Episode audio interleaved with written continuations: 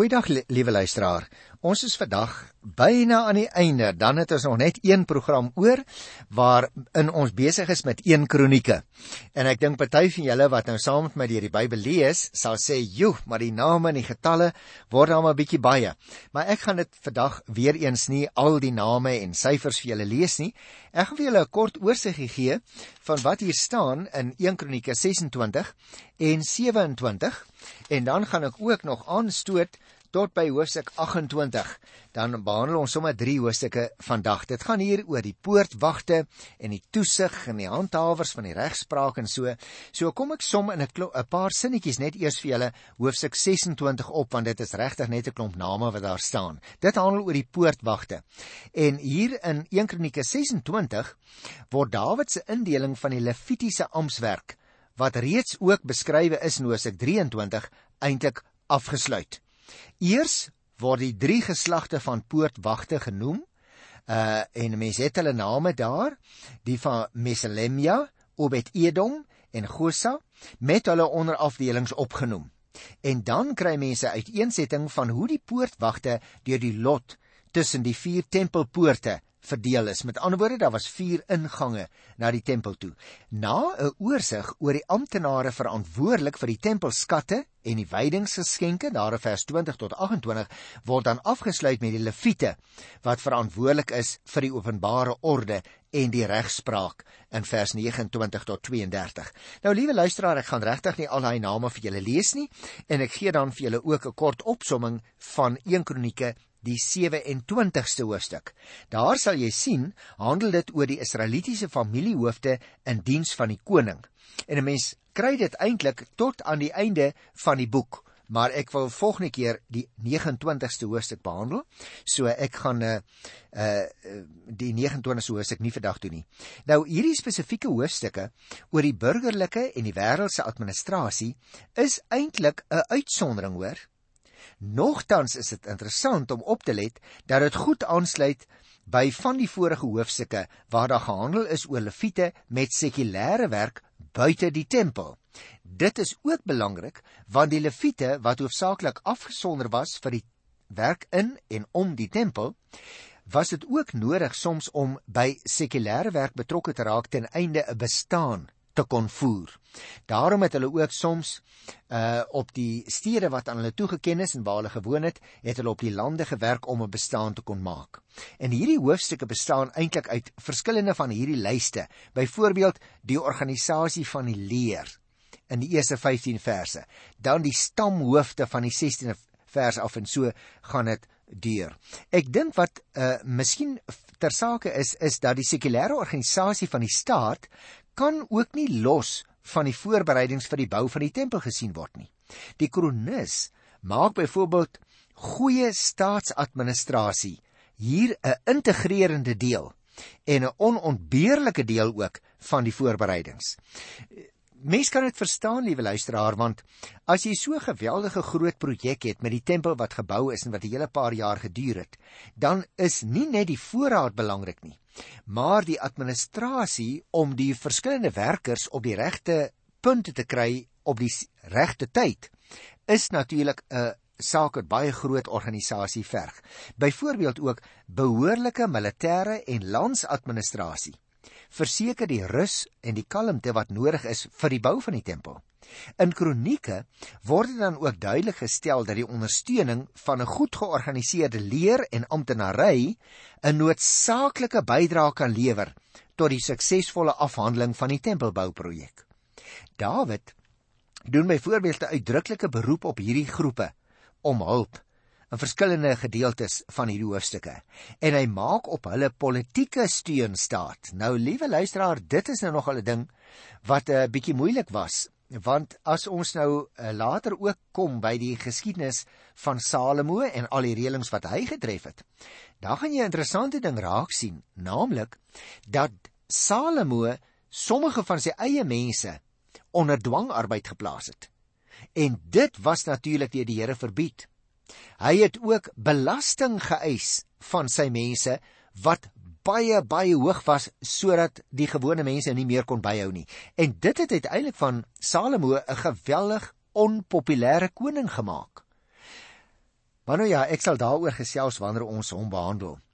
Die kronikus se beskrywing byvoorbeeld van 'n gemeenskap waar die tempel en die organisasie van die erediens in die middelpunt staan, met dan die georganiseerde volksgemeenskap daar rondom, is 'n konkrete gestaltegewing aan die visioen van die nuwe tempel en die herstelde samelewing van stamme om die tempel. Ek kan gerus gaan kyk hoewel ons dit nog nie behandel het nie in Esegiel hoofstuk 47 en 48 daar kry ons hierdie soort van visioen en waaruit dit dan blyk dat uh, dit visionêr voorgestel word dat alles rondom die stamme en die tempel gaan sentreer. En die hele samelewing die sekulêre samelewing daar buitekant het uiteindelik as middelpunt die tempel. Dit is in 'n sekere sin sal jy ook onthou 'n teruggryp na die woestyn tog want toe was die ark altyd ook in die sentrale posisie as 'n simbool van die Here se teenwoordigheid onder sy mense maar ek wil nou graag hier by die 27ste hoofstuk van vers 32 af spesifiek uh net so uh iets anders uitwys wat ook na vore kom en waaroor ek nog nie gepraat het nie. Waar daar in 'n hoofstuk heelwat vroeër, naamlik hoofstuk 18 by vers 15 tot 17 oor die hoofamptenare in die koninkryk gehandel is, gee hierdie verse wat 'n mens hier kry in hoofstuk 27 van vers 32 tot 34 'n lys van die persoonlike raadgewers van die koning En dit's interessant om dit in die Bybel raak te lees nie waar nie.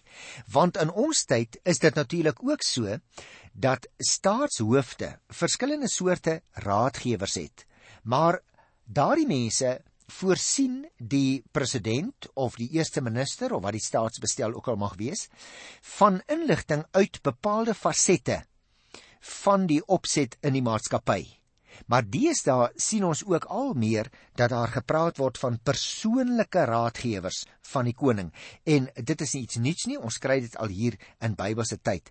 'n Mens is natuurlik geneig, liewe luisteraar, om te vra, waarom die name van die bevelvoerders van Israel se weermag en die name van die leiers wat ons sou vandag sou waarskynlik genoem het die parlementslede, die name van die amptenare in beheer van die skatte, die arbeiders, die wingerde, die olyfbome, die vyebome, die beeste, die kleinvee, ook die name van die koning se raadgewers in die Bybel opgeneem is. Want eh, 'n uh, luisteraar het geskryf in 'n brief uh, om te vra nou maar hoekom is al hierdie name daar? Jy sien dit gaan mos hier om die politiek en die staatsdiens wat buite die terrein van die kerk val as ek dit so mag uitdruk. Maar dit is waar ons baie kere 'n fout maak luisteraars. Ons sonder soms lewensterreine af asof dit buite die sfeer van die godsdiens lê. En daarmee het ons dit baie moeilik gemaak vir die kerk as 'n spreekbuis van God en vir die godsdiens as uiting van ons liefde vir die Here om op hierdie terreine ondubbelsinnig te kan getuig. Ons skei die goed in ons tyd asof jou godsdiens niks te maak het met jou werksituasie nie. Maar ons moet onthou in die tyd van oud Israel was dit heeltemal anders. Die lewe van die volk en die staat of die enkeling selfs is alles saam as een groot eenheid beskou en het onder die woord van die Here gestaan wat dan ook altyd die laaste sê gehad het oor die lewe? Of die lewe nou binne of buite die tempel is dit was vir hulle irrelevant omdat hulle te maak gehad het met 'n teokrasie met ander woorde 'n staatsbestel waarvan God direk gesien is as die hoof. Daarom word daar in die Bybel sulke gedeeltes soos hierdie opgeneem om vir ons 'n aanduiding te gee hoe dat elke moontlike ding deur die koning beheer is. En daarom het Dawid sy mense geweldige guns gedoen toe hy voordat hy dood is al hierdie dinge in detail gereël het. Dan is dit nie, snaaks nie as 'n mens so daarna kyk, dan is dit nie snaaks nie dat die name van hierdie mense in die Bybel opgeteken is. Die Bybel is 'n boek vir die lewe. En God, luisteraar se woord, raak elke faset van die lewe ten diepste, ook die staatsdiens en die politiek. Daarom moet jy en ek versigtig wees om sommer van die eh, politici te praat of van die politiek te praat asof sulke mense en die politiek as sodanig vuil sou wees. Dis 'n baie neerhalende opmerking want ons het ook al daardie mense nodig vir 'n vlot verloop en die bestuur van 'n land. En daarom, liewe luisteraar, is dit interessant dat die goed in die Bybel opgeneem is. Nou goed, as ons kom by die 28ste hoofstuk wat ek ook vandag graag 'n paar woorde oor wil sê, dan sien jy bo-aan staan Dawid se laaste opdrag oor die bou van die tempel. En ek gaan daarby so 'n bietjie uh, langer stil staan as ek ook net soos wat ek gewoonlik doen, 'n paar algemene opmerkingies eers mag maak. Jy sien, die laaste tema onder die groot afdeling van die 23ste hoofstuk af word in hierdie hoofstuk gemaak. Dawid praat van in die 5de vers die troon van waar die Here self oor Israel regeer. En daarmee luisteraar, het bevestig hy juis wat ek nou net probeer verduidelik het, dat die Here eintlik gesien is as die direkte heerser oor Oud-Israel. En daarom was al hierdie reëlings tot in die fynste besonderhede so nodig. Israel is God se koninkryk en die Here self is hulle koning. So het hulle dit gesien. Die Here kies egter 'n mens en hy laat daardie persoon self in daardie periode van die geskiedenis as 'n menslike koning om deur hom oor sy volk te regeer. Die koning lei met ander woorde die volk volgens die Here se voorskrifte en hy roep ook die volk op om gehoorsaam aan God te wees en vir hom 'n gemeente te wees. Hy is as dit ware God se hand en arm hier op aarde, hy wat die koning is. Nou in hierdie gedeelte het Dawid nou die gemeente met al sy amptdraers en gesagsdraers bymekaar geroep. Dit het al daar begin met die 23ste hoofstuk. Nou spreek hy hulle toe en hy wys daarop dat die Here hom wat Dawid is gekies het as die koning deur wie die Here oor Israel regeer. Dawid het egter nou aan die einde van sy lewe en daarmee saam natuurlik ook van sy dienstyd gekom. Die Here het sy seun Salomo gekies om die godsvolk verder deur hom te regeer. Vir Dawid was dit nie beskore nie. Maar vir Salomo gee die Here die opdrag om vir hom 'n tempel te bou. En daarom doen Dawid nou 'n beroep op die volk en op Salomo om aan die Here gehoor te gee. Die leiers moet met hulle hele hart en siel aan God gehoorsaam wees. Hulle moet die woord van God noukeurig ondersoek en soek na die wil van God vir hulle lewe. Salomo, so sê Dawid, moet ook 'n rein en 'n gewillige hart aan die Here gehoorsaam wees. Hy moet altyd openhartig wees met God, volkome toegewy wees aan hom. Daar's nie 'n gedagte en dade wat 'n mens vir die alwyse God kan wegsteek nie, liewe luisteraar. En net so in hierdie gedeelte sien ons dat Salomo moet soos elkeen van ons ook vandag nog steeds sy en haar lewe aan die Here opdra en in vertroue op die Here doen wat hy van jou en van my verwag om te doen omdat die Here so besluit het, sê Dawid, moet Salomo Dawid se taak nou oorneem en die tempel vir die Here begin bou. Ek wil so 'n paar van hierdie versies tog lees hier by uh, 1 Kronieke 28 vers 1 en 2. Dawid het al die gesagsdraers van Israel bymekaar kom in Jerusalem Die wat gesag gehad het oor die stamme, oor die afdelings in diens van die koning, oor 1000, oor 100, oor al die koninklike besittings en vee, en verder sy seuns saam met die hoofamptenare, die helde en al die manne van betekenis. Toe het koning Dawid opgestaan en gesê: "My broers, my volk, luister na my. Ek was van gedagte om 'n gebou op te rig as staanplek vir die verbondsark van die Here en as rusplek vir die voete van ons God.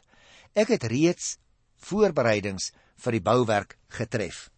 Nou sien jy Dawid se lewe loop baie vinnig nou ten einde. Ons weet dat hy gedaan was. Snags kon hy nie meer warm word nie en hy was bedlêend. Gaan kyk maar in 1 Konings 1 vers 1 op hierdie stadium van sy lewe.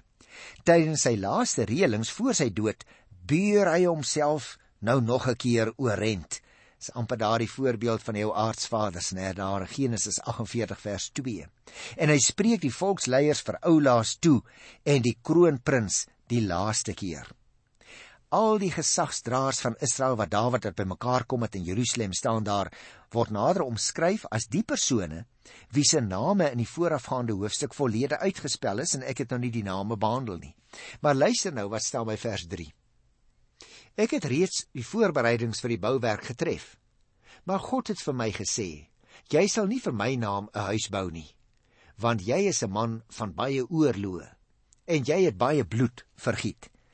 Ag, ek wonder of dit met hartseer is dat Dawid terugkyk, luisteraar, want hy kyk terug op sy lewe waarin daar 'n onvervulde ideaal begrawe lê. Maar tog nie met bitterheid nie. Jy sien hy het die ideaal gehad om self die tempel te kon bou. Maar die Here het hom nie toegelaat nie omdat hy eintlik in eerste plek 'n krygsman was.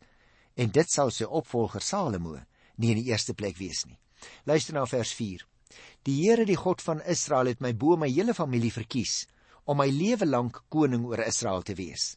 Hy het Juda gekies as leidende stam uit die huis van Juda, my familie. En hy het onder my vader se seuns aan my die voorkeur gegee om die hele Israel te regeer. Let jy op. Ek het vir jou gesê daar's nie verbittering in sy stem nie. So klink dit vir my as ek dit lees. En hoe weet ek dit? Op grond van vers 4. Eerder met dankbaarheid vir wat die Here vir hom moontlik gemaak het. Dit is die trant waarin hy praat. Hy sê byvoorbeeld: Hy het onder my vader se seuns aan my die voorkeur gegee om oor die hele Israel te regeer. So jy sien daar is nie 'n uh, verbittering by hom nie. Dit is 'n uh, aanvaarde feit vir hom dat die Here besluit het uh, wie dit moet doen om die tempel te bou en daarmee het hy dus vrede. Luister na vers 5. Uit al my seuns want die Here het vir my baie seuns gegee, het hy my seun Salomo gekies om te sit op die troon van waar die Here self oor Israel sal regeer. Weereens kry ons teen die einde van die uh, versie 5 die uh, gedagte dat die Here self van die troon van Salomo af oor Israel sal regeer. Hoekom? Omdat ek vir jou verduidelik het, dit gaan oor 'n teokrasie. Maar ek wil graag nog uh, by hierdie versie uh, 5 stil staan want ons kry interessante inligting hier. Jy sien dat die Here hom vanweë sy oorloë en bloedvergieting verbied het om die tempel te bou. Beteken dus nie dat die Here sy genade aan Dawid onttrek het nie. Die Here het inteendeel, so sê hy, my baie seuns gegee. En daarom kyk koning Dawid ook gelowig en vol vertroue vorentoe. En toon hy aan hoe dat hy ten spyte van sy hartseer dat hy nie die tempel self gaan bou nie, die voorbereidings vir die bouwerk kon doen. Hier in vers 11 tot 19. Salomo moet maar net daarmee voortgaan. Dit is Dawid se houding. Die Here het vir my gebruik tot op 'n punt en ek is jammer daaroor, maar ek is nie bitter daaroor dat ek kan voortgaan nie. My seun Salomo gaan voor. Juis Salomo, luisteraar let op. Die seun van Batseba, die vrou van Uria, aan wie se dood Dawid direk skuld gehad het. Jy onthou die verhaal daar uit 2 Samuel 11 ehm um, en 12 ook. Hierdie seun wat uit Dawid en Batseba voortgekom het, naamlik Salomo, hy gaan die opvolger word en hy gaan die tempel bou. Is dit nie 'n wonderlike Here wat aan sondaars genade gee nie en dan die paaltjie oorgie aan die kinders sonder om vir Salomo te straf vir die sonde van sy pa, soos die Here op 'n wonderbare manier vir Dawid verkies het So het die Here Salomo gekies, sê Dawid, om te sit op die troon van waar die Here self oor Israel sal regeer en natuurlik om die tempel te bou. Deur hierdie woorde luisteraars word die koningskap van Salomo met goddelike gesag beklee en dit is 'n wonderlike afsluiting van koning Dawid se regeringsperiode. Luister na vers 6 en 7. Die Here het vir my gesê: Jou seun Salomo sal vir my die tempel met sy voorhoewe bou, want ek het hom vir my as seun gekies en ek sal vir hom 'n vader wees. As hy volhou om my gebooie en bepalinge na te kom soos nou, sal ek sy koningskap sy lewe lank bevestig. Met ander woorde, Salomo moet die ontmoetingsplek tussen die Here en sy volk daarstel. Daar's 'n spesiale verhouding tussen Salomo en die Here. Hy word as seun van God in besondere sin gesien. Ons lees in Psalm 2 uh, eh, vers 7 iets soortgelyks en hier staan ook ek het hom vir my as seun gekies en ek sal vir hom 'n vader wees.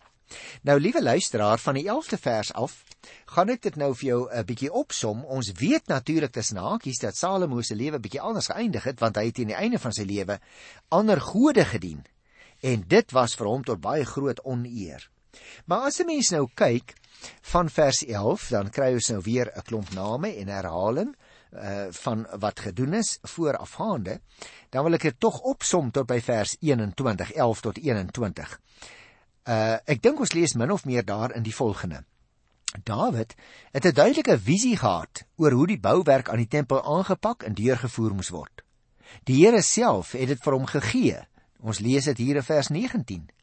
Maar in aansluiting by die besonderhede oor hoe die tabernakel in die in die wildernis gebou moes word, uh, en dit sal jy onthou, het gestaan in Eksodus 25 tot 31, spel Dawid nou hier vir Salomo die planne uit. Hy moenie huiwer nie, sê Dawid, maar met volle vertroue die taak aanpak. Al die voorbereidings is getref, al die materiaal en die hele werks, werkerskorps staan gereed. Dawid het hulle almal persoonlik aangestel. Salomo het nou maar net eenvoudig begin en hy moet doen wat die Here aan hom opgedra het. Dit is amper liewe luisteraar soos in ons tyd, wanneer iemand byvoorbeeld 'n groot besigheid opbou of 'n groot boerdery en dan tog voordat hy of sy sterwe die geleentheid het om vir sy 'n kind of opvolger presies in detail te sê hoe die pad geloop het tot hier toe en wat nou vorentoe moet gebeur. Ons lees in hierdie verse tot by vers 21 ook byvoorbeeld En Dawid het vir Salomo gesê dat dit uh nie nodig was om bang te wees vir sy taak as bouer van die tempel en die koning van Israel nie. Vrees kan 'n mens natuurlik lam lê luisteraars. Soms versteen ons van vrees oor die omvang van 'n taak of as gevolg van die druk waaronder jy en ek soms verkeer in die tyd waarin ons lewe. Ons lees hier wat die beste middel teen vrees is om nie aan die vrees te dink nie maar eenvoudig met die werk voort te gaan.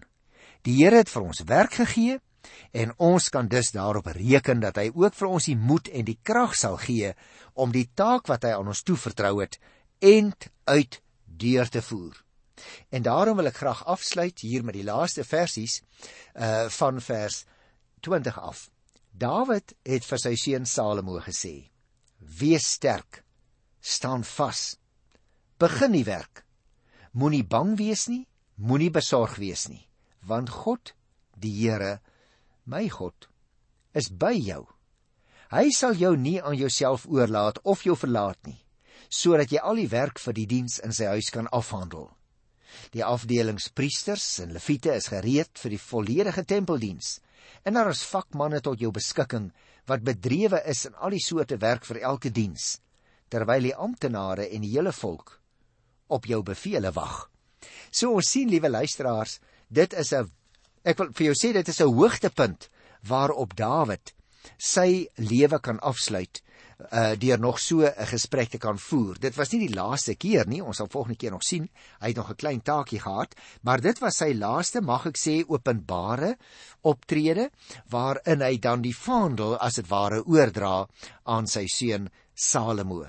En daarom wil ek uh uit hierdie uh, koning Dawid se lewe en die riglyne wat hy gegee het vir jou enkele aspekte uitlig. Ek gaan nou nie daarop uitbrei nie want ons het nie die tyd in ons program nie, maar ek gaan dit net vir jou noem. 1. Leer God persoonlik ken, liewe luisteraar. 2. Leer sy wette ken. Luister na sy woord. 3. Aanbid die Here met eerlikheid en in opregtheid vierde lewensbeginsel. Dien die Here met volle oorgawe. 5. Dink na en soek God se wil in alles wat jy doen. Dit is ook wat die Here Jesus ons leer in Matteus 6:33 nie waar nie. Soek eers die koninkryk van God en die wil van God. Die ander dinge sal vir julle bygevoeg word. En die laaste lewensreël wat ek dink ons lees uit hierdie gedeelte, moenie jou lewe sonder die Here probeer lewe nie. En dit is presies wat Dawid vir Salomo sê. Moenie jou lewe sonder die Here probeer lewe nie.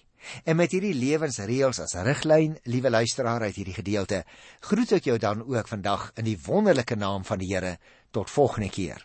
Tot dan. Totsiens.